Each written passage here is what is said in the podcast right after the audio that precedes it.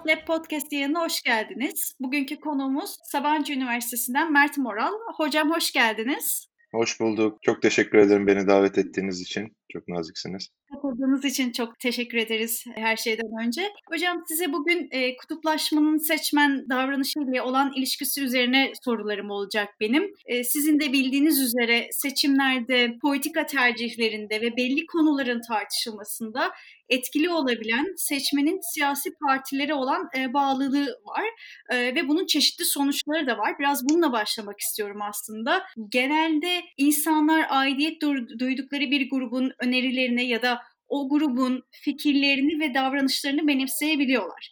Bununla beraber aidiyet duyulan grubun ya da partinin karşı kampına mesafe oluşturabilmekte ve hatta karşı kamp şeytanlaştırabil yani şeytanlaştırılabilmekte de aynı zamanda. Bahsettiğimiz bu parti aidiyeti ve bunun kimi zaman kimlik haline gelmesi nasıl şekilleniyor ve tabii bir yandan da hangi faktörler bu bağlılığı kuvvetlendiriyor?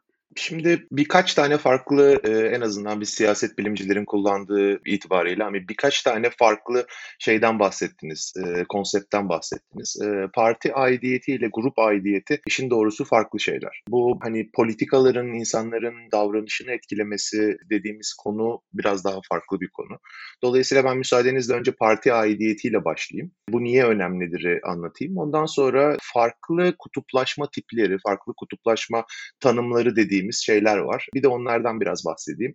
Parti aidiyeti üzerinden. Şimdi parti aidiyeti bize anlatıldığı kadarıyla yani siyaset bilimi literatüründe ve daha çok e, siyasi davranış literatüründe e, açıklandığı kadarıyla ki Amerika Birleşik Devletleri üzerinden çıkmıştır bu literatür ve çok uzun yıllardır e, çalışıla gelen bir şeydir. Çünkü biliyorsunuz iki tane parti var ve o iki partiye aidiyet işin doğrusu tek bir değişkenle oy verme davranışını açıkla dediğinizde Amerika Birleşik Devletleri'ndeki seçimler için e, en önemli değişken ve tek değişken e, bu parti aidiyeti oluyor. 1960 yılında yazılan bir e, kitap var Amerikan Seçmeni diye.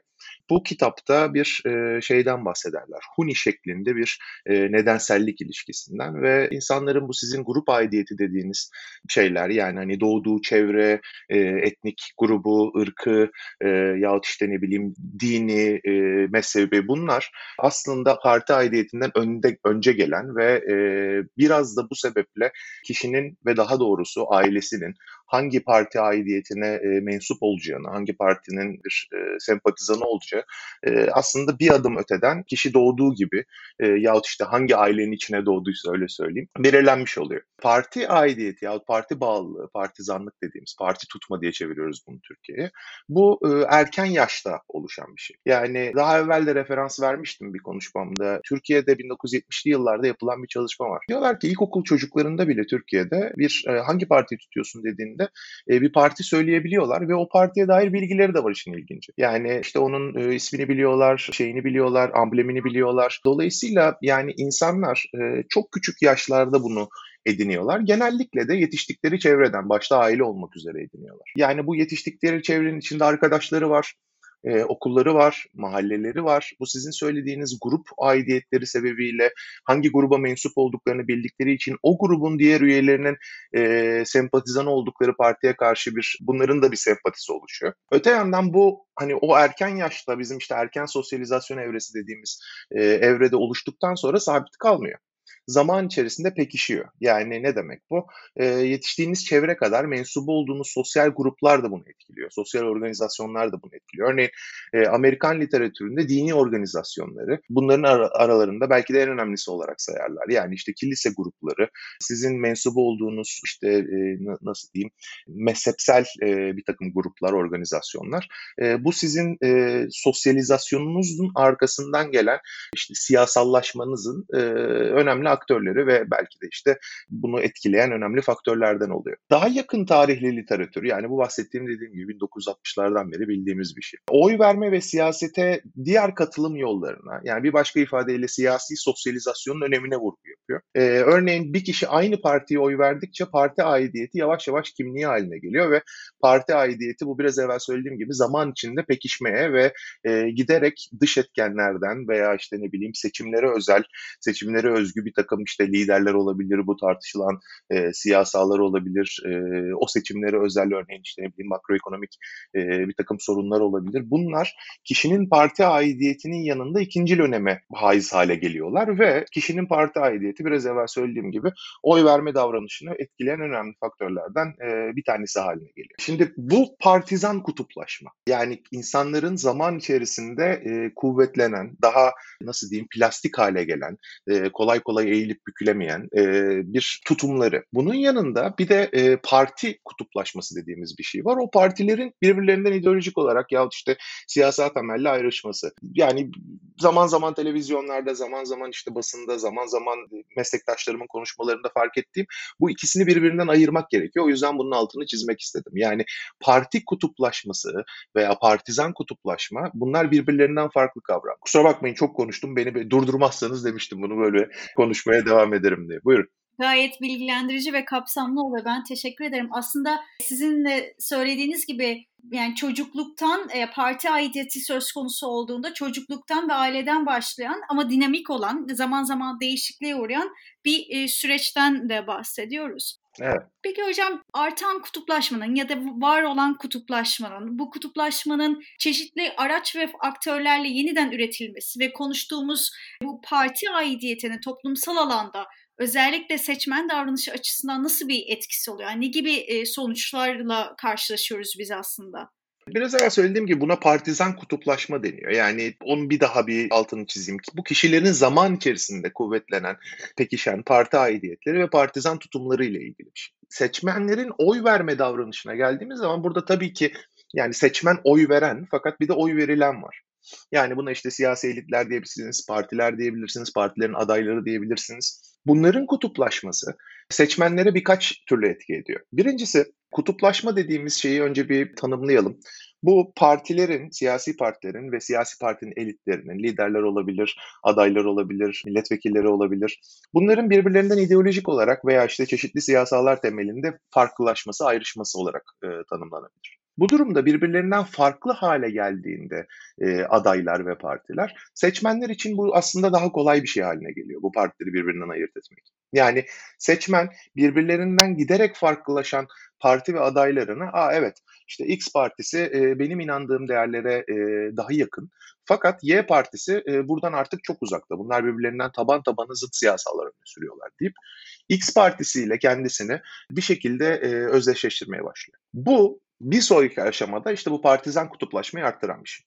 Dolayısıyla elit kutuplaşması dediğimiz, e, yanlış hatırlamıyorsam Senem e, Aydın Düzgit Hoca e, anlatmıştı bunu sizin şeyinizde, e, podcastinizde. Elit kutuplaşması dediğimiz siyasi elitlerin birbirlerinden farklılaşması, işte kutuplaştırıcı retorikleri ve en azından literatürde tartışıla geldiği üzere birbirlerinden farklı ideolojiler öne sürmesi seçmenlerin bilgi edinme masrafını çok azaltan bir şey. Yani e, işte gidip de teker teker ya işte X partisi ile Y partisi e, efendime söyleyeyim işte İmam Hatip okullarının kapatılması konusunda birbirlerinden farklı neler söylüyorlar yahut işte özelleştirme konusunda birbirlerinden farklı neler söylüyorlar diye araştırmak yerine ya evet X partisi ile Y partisi zaten bir tanesi bunların solcu bir tanesi sağcı. Ya işte Amerika'daki gibi bir tanesi liberal bir tanesi muhafazakar. Dolayısıyla İmam Hatip e, meselesinde yahut işte özelleştirme mesele, meselesinde bunlar ideolojileri doğrultusunda birbirlerinden yine farklı olacaktır varsayımını yapabildiği için elit kutuplaşması oy verme davranışını kolaylaştıran bir şey. Bir adım sonrasında bu zaman içinde kuvvetlenen parti aidiyetleri ve partizan tutumları sebebiyle zaten seçmenlerin oy verme davranışında böyle çok e, geçişkenlik görmez hale geldik biz ya. Yahut uçuculuk diye e, sanıyorum çevriliyor. Volatility deniyor buna. E, bu da ne demek? Yani bir sonraki seçimde ne oy verecekleri aslında bu seçimden belli. Yani günlük siyasette olan bir takım değişimler, işte e, belki ceplerine giren ay sonundaki paranın e, azalması, artması vesaire hepsi bu ne yazık ki hepsi e, bu partizan işte lens dediğimiz, partizan gözlük dediğimiz bir bihuninin içinden geçiyor ve insanlar dünyayı partilerinin renklerinde, e, parti liderlerinin söylemlerinin renklerinde algılamaya başlıyorlar ki çok tehlikeli bir şey. Seçmen davranışı üzerine etkisi işin doğrusu bizim Türkiye'de pek çalışılan bir konu değil. E, Amerika üzerine çalışılıyor yanlış hatırlamıyorsam geçtiğimiz yıl yine yanlış hatırlamıyorsam Turkey Studies dergisinde yayınlanmıştı. University of e, Montreal'den Semih Çakır bir genç meslektaşımızın yazdığı bir, e, bir çalışma var. Orada e, bizim memleketin en yüksek oranda parti aidiyeti gösteren ülkelerden biri olduğu gösteriliyordu. Ve bu seçmen davranışının biraz evvel söylediğim stabilitesi açısından da en yükseği olduğu anlamına geliyor. Ki zaten bunu da e, ampirik olarak göstermiş. Fakat burada metodolojik açıdan bir eleştiri yapmak lazım belki. Bizim elimizdeki veriler e, yani işte birçok çalışma böyle yapılıyor ne yazık ki bizim memlekette. E, aynı kişilerin aidiyetlerinin zaman içinde arttığı yahut azaldığını söylemek için yeterli değil. Bu ne demek? Biz aynı insanlarla işte ne bileyim ikişer yıllık, altışar aylık, birer senelik aralıklarla görüşmüyoruz. Dolayısıyla biz ne yapabiliyoruz? İşte e, temsili olduğunu umduğum e, bir takım örneklemler kullanıp bunu işte iki senede bir e, Türkiye'nin e, genelinin e, kutuplaşması, Türkiye'nin genelinin partizanlığı şu yönde evrildi diye yorumluyoruz. Halbuki yani Mert'in e, aidiyeti acaba nasıl değişti zaman içinde? Bence ilginç soru bu. E, bu tip analizler için halbuki işte panel verisine ihtiyacımız var. O zaman işte bildiğim kadarıyla bizim ülkemizde 3-4 aydan daha uzun bir zaman aralığında toplanmış panel verisi de ne yazık ki mevcut değil. Bu literatür Amerika kaynaklı derken işin doğrusu e, çok uzun yıllardır devam eden bir takım e, çalışmalar var. Kişileri e, daha liseden e, bu panellere dahil ediyorlar ve hayatlarının belirli dönemlerinde 7'şer yıllık işte e, 15'er yıllık aralıklarla bu kişilerle konuşuyorlar. O zaman anlayabiliyoruz parti aidiyeti e, işte ne bileyim e, daha çok pek, e, pekişti ve kuvvetlendi mi diye. Öteki türlü ülkede artan bir e, trendten bahsedilebilir. Fakat bu e, bireyler özelinde daha işte e, katılaşmış siyasi aidiyetler yahut e, parti aidiyetleri sebebiyle mi oluyor? Yoksa yeni gelen e, seçmenlerin işte örneğin her sene biliyorsunuz 3-4 milyon yeni seçmen geliyor her seçimde. Onların mı daha çok kutuplaşmış olmaları sebebiyle oluşuyor? İşin doğrusu bundan pek emin değilim. Siz hazır Amerika demişken aslında oradan e, biraz daha güncel bir şekilde devam edebiliriz. Eskiden beri kırmızı ve mavi eyaletler ayrımını yaşayan Amerika Birleşik Devletleri'nde hepimizin de aslında tanıklık ettiği gibi Kasım ayında kutuplaşmanın da artmasıyla ve belki e, başka faktörlerle beraber seçime katılım oranı yükseldi ve daha sonra Amerika seçimleri sonrası Trump iktidarı devretmek istemedi ve aslında son günlerde de karşılaştığımız gibi son dakikaya kadar da bunu e, farklı olaylarla beraber gördük. Hatta kongreyi basmaya kadar giden bir e, sonuçla da yüzleşildi. Özellikle Trump'a oy veren 74 milyonu da göz önüne alarak aslında seçmen davranı açısından bu süreci nasıl değerlendirirsiniz? Allah çok güzel soru bu. Şimdi bu literatür işte siyasi kutuplaşma literatürünün çok uzun yıllardır incelediği ülke Amerika Birleşik Devletleri demiştim. Bu literatürde iki tane grup var. Yani e, iki grup e, akademisyen. E, bir tanesi birinci grup diyor ki kutuplaşma seçime katılımı arttırmaz. İkinci grupta diyor ki hayır efendim tam tersine insanların algıladığı biçimiyle kutuplaşma seçime katılımı arttırır. Bu son seçimler işin doğrusu daha doğrusu 1980'lerden beri artan bir şekilde bu artan kutuplaşma ve artan seçime katılım oranları göz önüne alındığında aslında bu ikinci grubun haklı olduğu ortaya çıkıyor. Ee, öte yandan partilerin aldıkları oyları geçmiş seçimlerde parti adaylarının aldıkları özür dilerim oyları geçmiş seçimlerde yine aynı partilerin adaylarının ki Trump özelinde yine Trump'ın e, aldığı eyaletlerde aldığı ya işte seçim çevrelerinde aldığı oylarla incelediğinizde e, pek bir değişim olmadığını görüyorsunuz. Bu biraz evvel söylediğim partiler arası geçişkenliğin çok çok azaldığı, insanların artan elit kutuplaşmasını takiben, artan partizan aidiyetlerine bağlı olarak, katılaşan partizan aidiyetlerine bağlı olarak bu artan parti kutuplaşması, partizan kutuplaşmanın etkisini gözlemlediğimiz bir şey haline geliyor bu. Yani ne demek bu? İşte yüzer geçer seçmen dediğimiz, işte swing voter yahut floating voter dediğimiz iki partinin birden e, eskiden ilgi alanına giren, işte bizim ortanca seçmen dediğimiz e, tam böyle ideolojik işte skalanın tam e, ortasında bulunan yani e, ve bunu alanın hem oyların %50'sinden fazla fazla sahibi, e, sahibi olduğu, hem başkanlığın sahibi olduğu, hem işte e, senatoda temsilciler meclisinde çoğunluğun sahibi olduğu bir e, hipotetik seçmen vardır bizim. Bunun iki partiye birden e, oy verebileceği, iki partiye de çok yakın olduğu ya daha doğrusu iki partinin de bu seçmene doğru giderek bu seçmenin ilgisini, alakasını cezbetmeye çalıştığı söylenir. Öte yandan biz Amerika'da bunun tam tersi bir şey görüyoruz. Yani bu çok uzun yıllardır öne sürülen bir teorem yani işte ortanca seçmen teoremi dediğimiz.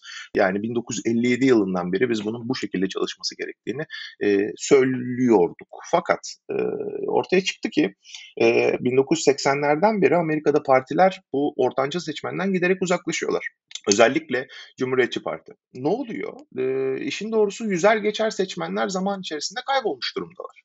Yani biraz evvel söylediğim gibi kutuplaşan partizan tutumları sebebiyle Cumhuriyetçiler Cumhuriyetçilere oy veriyor, Demokratlar Demokratlara oy veriyor. Yani çok uzattığımın farkındayım fakat geçmiş, geçmiş seçimle birbirine çok benziyor derken bunu anlatmaya çalışıyorum. Oransal olarak baktığınızda çok çok yüksek oranda korele bunlar. Yani ne demek? İşte geçen seçimde normal oy dediğimiz bizim bir şey vardır, bir kavram vardır. Ee, bir seçim bölgesinde, Amerika'da eyalet ya seçim bölgeleri örneğin. Kim ne oranda oy almış bakarsanız bir sonraki seçimde de oy oranlarının en iyi açıklayıcısı olduğu bunun söylenir bu normal oyun.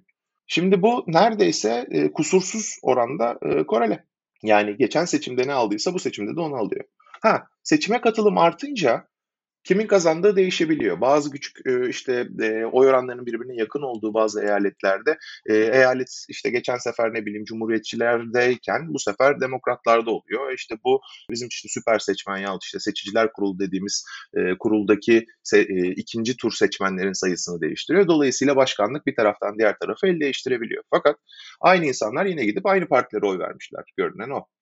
yüzer geçer seçmenler kaybolmuş. Görünen o. Amerika'da bunun olmasının bir sebebi biraz evvel söylediğim gibi o iki partinin çok uzun yıllardır orada duruyor olması. Yani e, sistem değişmiyor, kurumlar aynı. İnsanlar bu kurumların ürettiği parti sistemini, bu kurumların ürettiği partileri, bu kurumların ürettiği partilerin sahip oldukları ideolojileri yahut öne sürdükleri siyasaların ne demek olduğunu biliyorlar. Bizim seçim sistemi böyle değil e, Amerika'da yahut işte Batı demokrasilerindeki gibi oturmuş değil. Yani son 3 yılı daha iyi düşünürseniz biz başkanlık sistemine geçtik. E, bugün baraj tartışmaları yapıyoruz. İndirelim mi %10'u işte dar bölgeye geçelim mi? E, seçim ittifakları geldi örneğin. İttifak partileri için artık baraj aramıyoruz vesaire. Bunlar hep böyle son 3 yılın e, tartışmaları yahut e, değişen kurumlar. E, bu sebeple normal oyun Türkiye gibi bir yerde partilerin ya da adayların oy oranlarını açıklamamasını bekleriz. E açıklıyor gayet yüksek oranda açıklıyor. Yani Türkiye'de de partiler arası oy geçişleri giderek azalmış durumda. E demek ki kişilerin tercihleri pek değişmiyor. Yani Amerika'da işte Covid sebebiyle mesela şundan bahsedildi.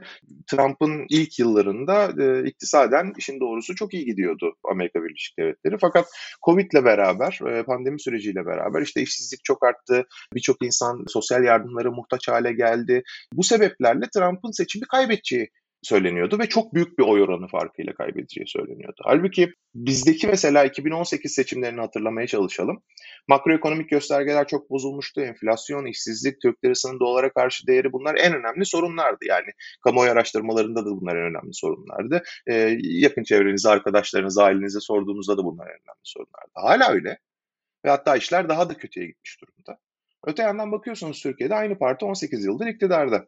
Yani bu partinin seçmenlerinin bu biraz evvel söylediğim makroekonomik göstergelerdeki bozulmalar sebebiyle ya kendi ceplerine giren paranın azalmasıyla, kendilerinin işsiz kalması sebebiyle tutum, siyasi tutum ve e, oy verme davranışlarında ya kime oy verdikleri konusunda gözle görülür bir değişim gözlemliyor muyuz? Cevap hayır değil mi? Yani cevap hayırsa demek ki bizim bu teoriler pek işe yaramıyor. Amerika'da da yaramıyor, Türkiye'de yaramıyor. Sebep? Belki tek sebep değil yani başka başka sebepleri vardır bunun muhakkak. Öte yandan bence en önemli sebebi bunun kutuplaşma. Biraz evvel söylediğim gibi dünyayı bir lens içerisinden görüyor ve anlamlandırıyoruz. Ne yazık ki.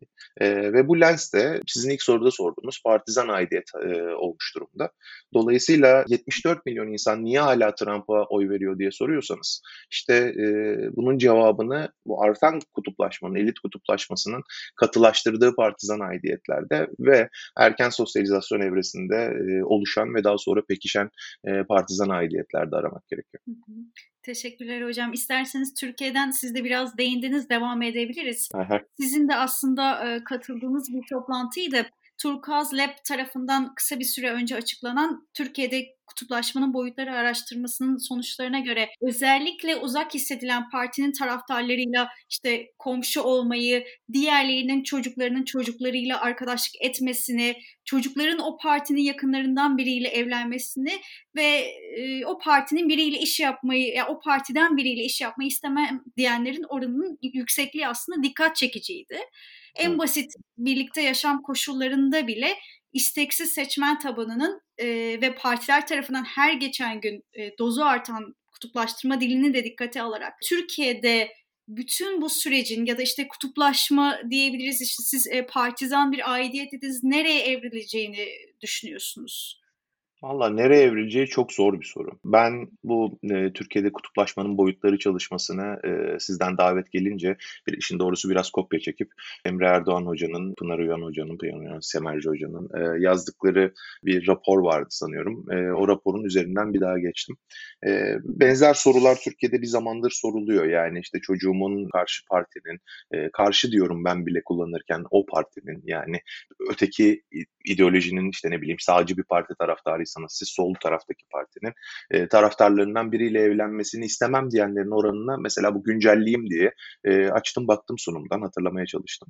E, 4 kişinin 3 tanesi diyor ki ben böyle biriyle evlenmesini istemem çocuğum. Üçte ikisi diyor ki çocuğumun onların çocuklarıyla arkadaşlık etmesini istemem. Beşte üçü diyor ki komşu dahi olmak istemem. Yani şimdi bunun nereye doğru evrilebileceği işte 4'te 3 diyorsa demek ki herkes diyecek. Yahut işte 3'te 2 diyorsa herkes diyecek. E şimdi e, bu tarafa doğru artarak evrildiği zaman e, o zaman ne oluyor? Biz bayağı aynı ülkenin içinde iki tane yahut dört tane yahut beş tane kaç tane ise kaç tane grup varsa farklı ülkelerde yaşayacağız demek. E zaten işin doğrusu yani o çalışmada bana da yöneltilen sorulardan bir tanesi e, değildi bu. E, sizin biraz evvel Amerika'yı betimlerken kullandığınız o mavi eyaletler, kırmızı eyaletler dediğimiz şey aslında coğrafi kutuplaşmadır. Yani e, Amerika'da çok uzun yıllar bunu e, Afrikalı Amerikalılar ve e, işte WASP dediğimiz e, Anglo-Saksonlar, beyaz Amerikalılar arasında e, bir segregasyon yani işte Türkçesi işin doğrusu bilemiyorum. Afrikalı Amerikalıları ve beyaz Amerikalıların coğrafi olarak farklı yerlerde oturmaları. Bugün işte baktığınızda ne bileyim Detroit'in şehir merkezinde demokratlar öndeyken Michigan'ın e, işte e, biraz dışında Detroit'in, eyaletin diğer yerlerinde kıpkırmızı olduğunu görüyorsunuz. Bu coğrafi kutuplaşma bizdeki bu e, trend devam ettiği müddetçe e, işin doğrusu insanlar kendileri gibi düşünen insanlarla beraber yaşamak istedikleri için ve biraz da bu coğrafi kutuplaşma bunu e, etkilediği için yani burada böyle bir tavuk mu yumurtadan yumurta mı tavuktan ilişkisi var aralarında. Nedenselliğin hangisinden diğerine doğru gittiğini işin doğrusu pek bilmiyoruz. Bu ülkeyi yani tabii ki şey olarak değil yani siyasi olarak bölmekten bahsetmiyorum. Toplumsal olarak küçük küçük grupların farklı yerlerde yaşadığı, birbirleriyle yalnız iletişim kurduğu, yani sizin sosyal ağlardaki işte yahut arkadaş çevrenizdekine benzer bir şekilde e, bölecek demektir ki bu çok tehlikeli bir şey. Yani bu e, işin doğrusu ne yöne doğru gider hiçbir fikrim yok. Yani medya kutuplaşmasına dair mesela yankı odalarına dair e, çok ilginç bulgular vardı bu Türkiye'de kutuplaşmanın boyutları çalışmasında. İşte AK Parti tem- e, şeylerinin e, sempatizanlarından AK Parti tuttuğunu ifade edenler Kanal 7, A Haber, ATV, TRT izliyoruz diyorlar. E, CHP'yi tutuyorum ben diyenler e, Fox Halk TV izliyorum diyor. E, gazetelere bakıyorsunuz bir taraf Sabah Hürriyet diyor, öbür taraf Sözcü Cumhuriyet diyor. Yani bilgiyi nereden aldığımız dahi farklılaşmış durumda o kaynaklardaki bilginin veriliş tarzı farklı durumda. Dolayısıyla o bilginin işte ne bileyim belki hangi tarafa e, daha yakın e, şekilde yorumlandığı farklı durumda. Dolayısıyla bu zaten mevcut kutuplaşma bir de medyanın kutuplaşması sebebiyle bu yankı odaları içerisinde yaşamamız sebebiyle giderek artıyor. Yani ne yöne doğru evrilir? Çok radikal bir şekilde bu azalmadığı müddetçe de artmaya devam edecektir diye tahmin ediyorum. Yani mesela bakıyorsunuz işte Adalet ve Kalkınma Partisi ve bir ölçüde Milliyetçi Hareket Partisi seçmenlerinin neler düşündüğüne dair bir takım şeyler var ki çok inanılmaz yani muhalefete izin verilmesin diyorlar. Ya işte Cumhurbaşkanlığı sistemine destek diyor, veriyorlar. Seçimler adil ve şeffaftır diyor bir grup. Öbür grup hayır efendim kesinlikle böyle değildir diyor. Çeşitli kurumlara güvene bakıyorsunuz. Örneğin Sağlık Bakanlığı çok ilginç. İşte Adalet ve Kalkınma Partisi ve Milliyetçi Hareket Partisi e, sempatizanları arasında çok yüksek, diğerlerinde çok çok düşük. Yani koronavirüs hakkında güvenilen kaynaklarda bile bu var. Bir taraf Sağlık Bakanlığı'na güvenirim diyor, öbürü de hayır ben Dünya Sağlık Örgütü'ne, Türkiye Tabipler Birliği'ne güvenirim diyor. Yani işin doğrusu Türkiye kadar kutuplaşmanın yüksek olduğu ve bu hızda arttığı başka bir ülke bilmiyorum. Ben Amerika Birleşik Devletleri dahil. Yani e, sizin örnek verdiğiniz işte e, seçimden sonra olanlar, Trump'ın tutumu, Trump'ın sempatizanlarının yaptıkları, yani Amerika'da dahi böyle şeyleri gözlemliyorsak bizde neler olabileceğini işin doğrusu ben tahayyül etmek istemiyorum. Yani e, iş ki bizdeki kutuplaşma etnisite, din gibi e, bizim toplumun e, derin fay hatları üzerinden bir kutuplaşmaya evrilmesin. Evriliyor mu? Evet. Çok uzun zamandır bunu gözlemliyoruz. Tamamen o faylar üzerinden mi bölünmüş durumdayız? Hayır. Yani niye hayır diyorum? Çünkü mesela geçen seçimlerdeki 2018'deki Millet İttifakı bloğuna baktığınızda, 2019'daki yerel seçimlere baktığınızda burada ideolojik olarak farklı grupları temsil eden ve yani bu fay hattının aslında farklı taraflarında durmasını beklediğimiz, e, örneğin işte Saadet Partisi ile Cumhuriyet Halk Partisi gibi yahut işte İyi Parti ile bu son yerel seçimlerde HDP'nin zımnen de olsa desteklediği işte Millet İttifakı adayları gibi. Yani bunların farklı taraflarda durmasını beklerken bir araya gelebildiklerini görüyoruz ki bu e, işin doğrusu ilginç ve biraz umut vaat eden bir şey. Yani tamamen karamsar olmaya, enseyi karartmaya çok da gerek yok. Seküler hayat tarzı, Profesör Doktor Ersin Kalaycıoğlu buna kültür kampı diyor, kültür kavgası diyor. Ya Türk milliyetçiliği en önemli ayrışma noktalarımız bizim. Bunlar biraz evvel bahsettiklerim gibi buradaki bölünmeler arttığı vakit durum içinden çıkılmaz bir hale gelmiş demektir. Dolayısıyla vakit herkesin e, işin doğrusu takkesini önüne koyup düşünmesi gereken vakit. Biz neyi yanlış yaptık diye sormak gerekiyor. Öte yandan e, işin doğrusu kendi özelimde söyleyeyim. Bu bizim pek sık sorduğumuz bir soru değil gibi. Cevaplaması da oldukça zor bir soru. Bilmem cevaplayabildim mi sizin sorunuzu?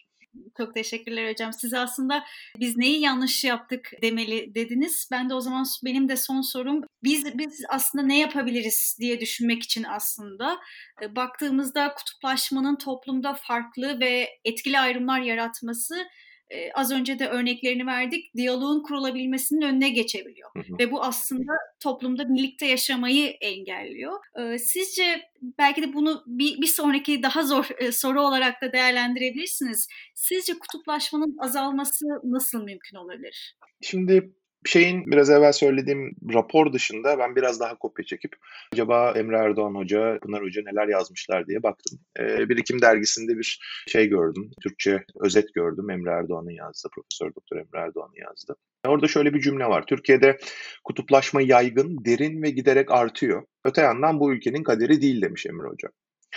İşte bir takım e, çözüm önerileri bize bizimle yapılan bir elit e, anketi vardı. E, orada bir takım çözüm önerileri vardı. İnsanlardan bu önerileri sıralamaları, bunların hangilerinin daha yapılabilir, hangilerinin daha etkili olacağı kutuplaşmanın önüne geçmek için sorulmuştu.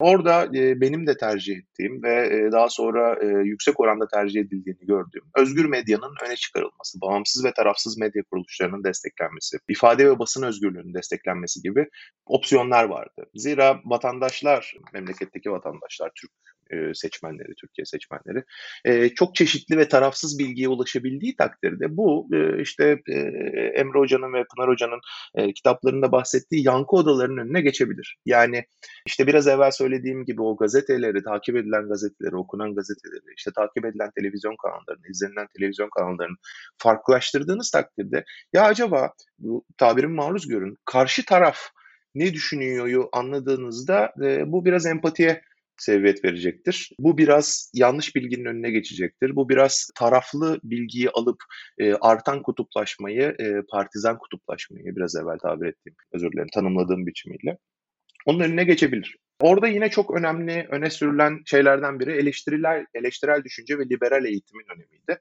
Öte yandan bunun merkezi eğitim sistemi dışında yapılması yani eğer oturalım doğru konuşalım. Şu anda bu Milli Eğitim Bakanlığı'na bağlı devlet okulları tarafından yapılan bir şey değil. Özel okullar tarafından verilebiliyor bu. Dolayısıyla e, ancak çocuğunuz çok çok başarılıysa yahut e, maddi durumunuz yerindeyse yahut işte ne bileyim çocuğunuz bu tip bir eğitim alsın diye borca harca giriyorsanız bu eğitimi çocuğunuza sağlayabiliyorsunuz. Ben çocukken devlet okullarındaki eğitim bu şekilde değildi.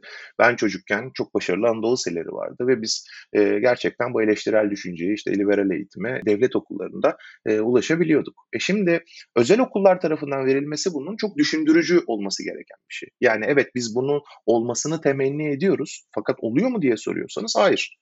Özel okullar tarafından verilmesi bunun aslında kutuplaşmayı arttıran bir şey. Ne, ne oluyor? O zaman sosyoekonomik olarak daha e, iyi durumda olan insanlar çocuklarına bu tip bir eğitim verebilirlerken e, bu imkanlara sahip olmayan insanlar bu eğitimi ver, verdiremiyorlar. E ne oluyor? Yani siz bu eğitimi devlet eliyle vermediğiniz zaman toplumun bir bölümü yani daha müreffeh yaşayan insanlar eleştirel düşünceye işte liberal eğitime ulaşımları varken diğerlerinin olmuyor. Yani hem bir fırsat eşitsizliği bunu körüklüyor hem de sizin bu biraz evvel bahsettiğim fay hatları üzerindeki ayrışmada daha müreffeh olan kısmın giderek daha liberal olmasını sağlıyorsunuz. Bu işin doğrusu bence pek iyi çalışan bir şey değil ve aslında kutuplaşmayı arttıran bir şey. Orada yine önerilen şeylerden daha doğrusu bize sunulan ve diğer akademisyenlerin ve benim evet bu da olmalı dediğim şeylerden biri doğrulama ve doğru bilgi yayma işini yapan kuruluşların desteklenmesiydi. Yani kim buna hayır der? Öte yandan kim bunları okuyor? Yani bunların raporlarına ulaşabiliyor. Yine sosyal medya kullanıcıları doğru mu?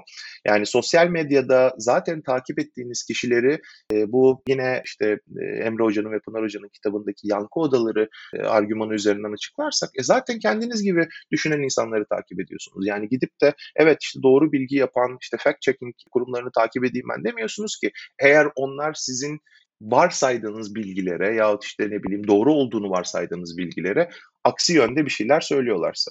Raporda önerilen başka bir çözüm şuydu. Sivil toplumun yahut işte toplumun tek başına özür dilerim. Sivil toplumun daha kolay olması, etkili olması. Burada Sivil toplum ya toplum tabii ki çok önemli. İnsanların biraz evvel söylediğim gibi biz nerede yanlış yaptık sorusunu kendilerine sormaları çok çok önemli.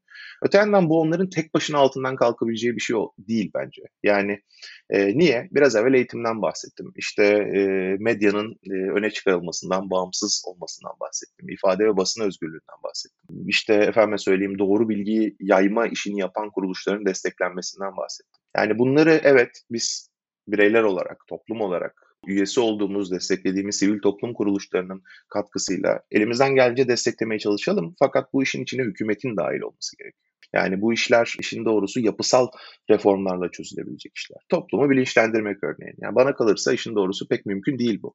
Yani dörtte üçü siyasete dair haber ve bilgiyi televizyondan aldığını söylüyor bizim seçmenlerimizin.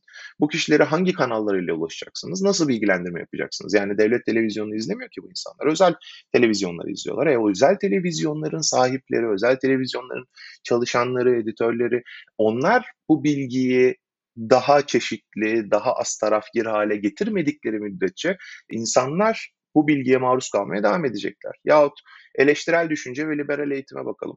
İşte medya ve üniversitelerin kontrolü Rütük ve yok gibi kurumlarda. E, dolayısıyla evet yani toplumsal uzlaşı önemlidir. Toplumsal uzlaşıyla bu, bu kutuplaşmanın önüne belki geçilebilir. Öte yandan Amerika'daki durumu gördük. Yani bunun önüne geçmek de çok zor. Nereye var, varacağını kestirmek de çok zor. Biraz evvel söylediğim gibi.